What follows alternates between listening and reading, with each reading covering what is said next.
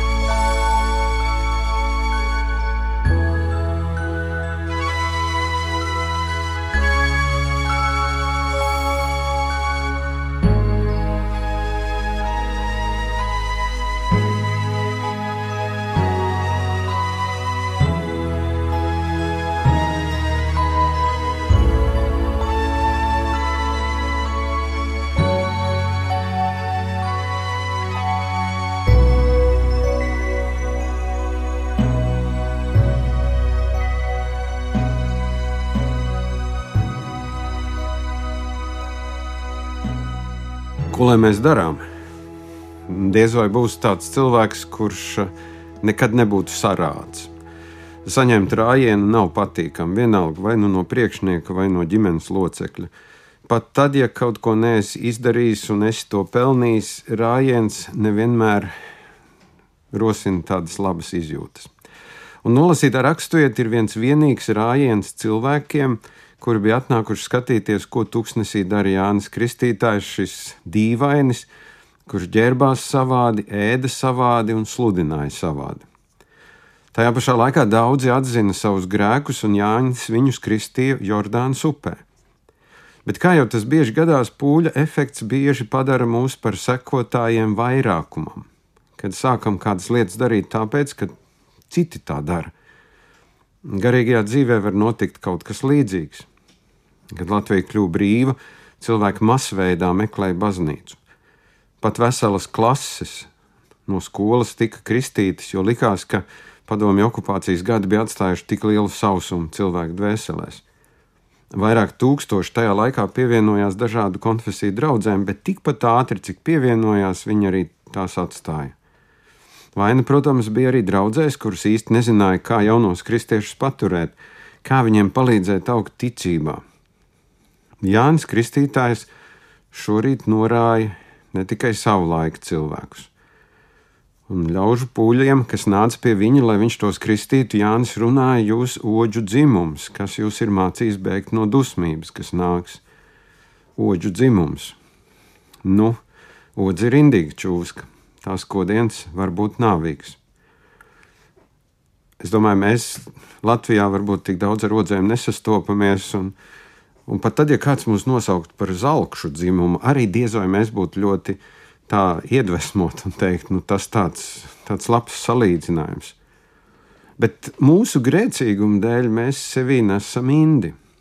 Tā ir citādāka kā odzes inde, bet tā ir grēka inde.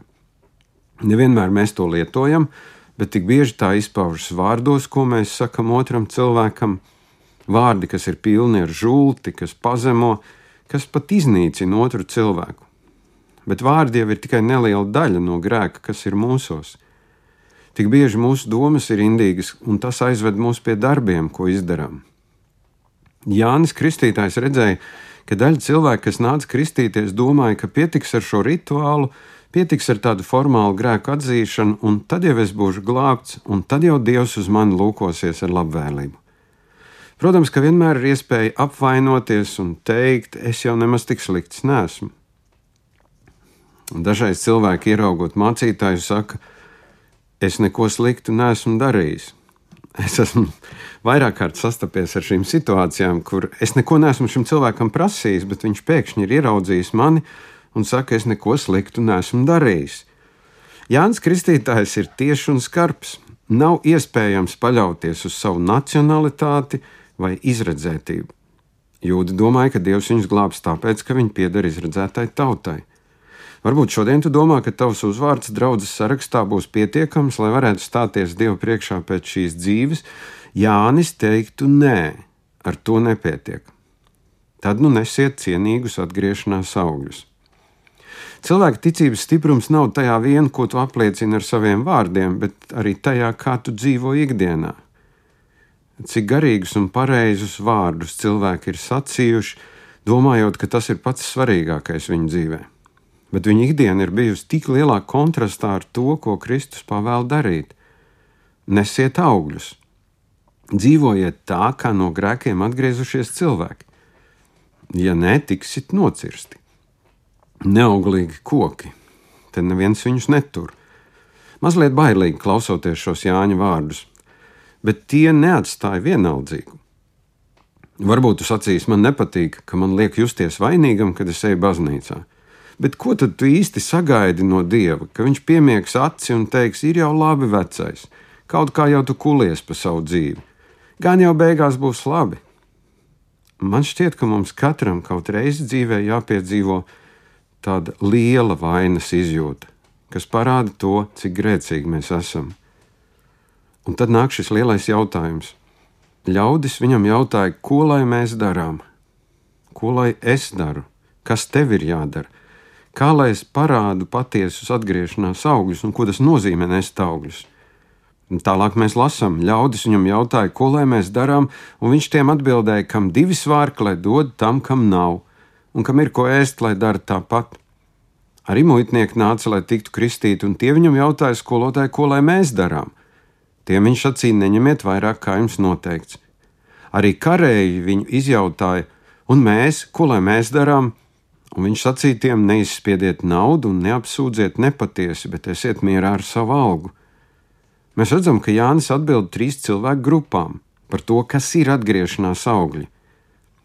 Cilvēkiem viņš saka, dalieties ar to, kas jums ir, ar citiem, kam divi svārki, lai viens dod projām tam, kam vajag. Muitniekiem viņš saka, neņemiet kukuļus, un karavīriem neizspiediet naudu, neapmelojiet, esiet mierā ar algu. Mēs teiktu, un tas ir viss. Tas jau ir it kā pašsaprotami, ka tā jādara. Bet, ja tas ir pašsaprotami, mīļie draugi, kāpēc mēs tā nedarām? Kāpēc mums ir vairāk kā vajadzīgs, kad blakus ir tie, kas cieš trūkumu? Kāpēc aploksnīt ar naudu joprojām atver durvis, kaut arī būtu jāstāv rindā? Kāpēc es gribu izspiest un apmelot? Kāpēc es kurnu, ka man ir par maz? Atbilde ir diezgan skaidra, jo projām manī ir indes krājumi, kas sabojā manus labos nodomus joprojām es atrodu sevi tādā kā netīrā straumē, kur ir tik daudz cilvēku, un man šī strauma nes, un man nav spēka tai pretoties. Ko lai es daru? Adventa laika aicinājums ir nemainīgs jau vairāk kā 2000 gadu atgriezies no sava grēka. Ļauj Kristum tavus un manus indes krājumus iznīcināt, lai man vairs nav spēka un gribēšanas kādu sakost un iznīcināt lai man ir spēks un griba izmainīt sabiedrību, vidi, cilvēkus, nesot Kristus mīlestības vēsti. Un ja tev ir izjūta, ka Dieva tiesa vairs nav tālu, ka viņa cirvis ir pielikts pie tavas neauglīgās dzīves koka, tad steidzies pie Kristus. Steidzies pie Kristus, jo tikai Kristus var tavu un manu dzīvi pārveidot, ka tā nes augļus, ka šie augļi kļūst par lielu svētību citiem cilvēkiem un arī man pašam. Nekavējies, nāc pie Kristus. To grēka indi nevajag glabāt. To grēka indi mēs nevaram paši pat utilizēt, iznīcināt. Vien Kristus, kurš mūsu dēļ ir nācis, lai mūs glābtu, vien Kristus var to paņemt projām. Un tad dzīve kļūst citādāka. Āmen!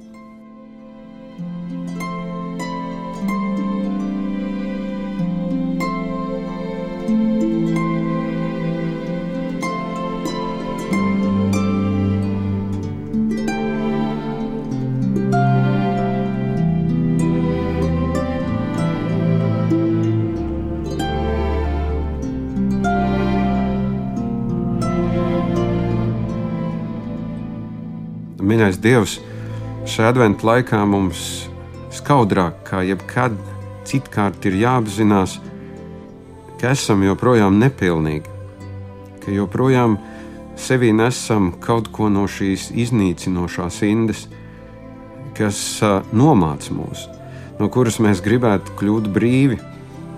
Bet dienas noslēgumā atkal ir jāsaka, nesmu varējis savaldīt savas domas, nesmu varējis turēt mēlē aiz zobiem, tad, kad to vajadzēja esmu pateicis lietas, izdarījis lietas, par kurām man ir žēl. Kungs, Kristu, paldies, ka tu atnāci, lai šo grēku indi atņemtu. Ka mums nevajadzētu dzīvot kā oģu dzimumam, ka mums nevajadzētu izlikties, ka mums nevajadzētu būt tādiem, kas smuki izskatās baznīcā, un savā ikdienā ir liels haoss un liela nekārtība. Kungs, Kristu aicina mūs šajā rītā ka mēs varam no tiem, kas runā par tevi, kļūt par tiem, kas tevi apliecina ikdienā. Tu redzi, cik daudziem cilvēkiem ir vajadzīga mūsu palīdzība. Māci mums ieklausīties, māci mums līdzjust, un dāvā mums sirdis, kas nes mieru un prieku šajā tik ļoti, ļoti samocītajā pasaulē. Mūsu lūgšanās nesam Ukrainu un Ukraiņas ļaudis, tos, kuru priekšā noliecam galvas, kuru varonība ir cilvēcīgi pat neizskaidrojama. Lūdzam par Izrēlu, par cilvēkiem, kuri aizstāv savu zemi, un reizē skumstam par tiem, kuri zaudējuši savu pajumti, kuri ir atstājuši visu, kas viņiem ir. Un iespējams, ka daudziem ir gandrīz neiespējami kaut ko sākt no nulles šajā dzīvē vēl. Paldies par mūsu valsti, par mūsu zemi, par mūsu valsts vadītājiem. Mēs lūdzam Dievu tavu gudrību, tavu gudrību šajā laikā, kad vērtības, kuras tu mums esi devis, aizvien vairāk un vairāk tiek cirstas nost kā tāds auglīgs koks. Mēs lūdzam Dievu tavu gudrību un spēku. Un tos, kuri šajā rītā ir dzirdējuši šos vārdus priekš sevis, Mēs lūdzam Jēzu, vadi viņus, ka viņi var atrast mieru tevī, atdošanu tevī. Par visu tev pateicamies un lūdzamies tavu žēlastību Jēzus Kristus vārdā. Tas kungs Dievs, lai tevi svētī un lai tevi pasargā. Tas kungs Dievs, lai apgaismo savu vaigu pār tevi un lai ir tev žēlīgs. Tas kungs Dievs, lai paceļ savu vaigu uz tevi un lai dod tev savu mieru. Āmen! Radio svētrītā ar jums kopā bija mācītājs Edgars Mažis.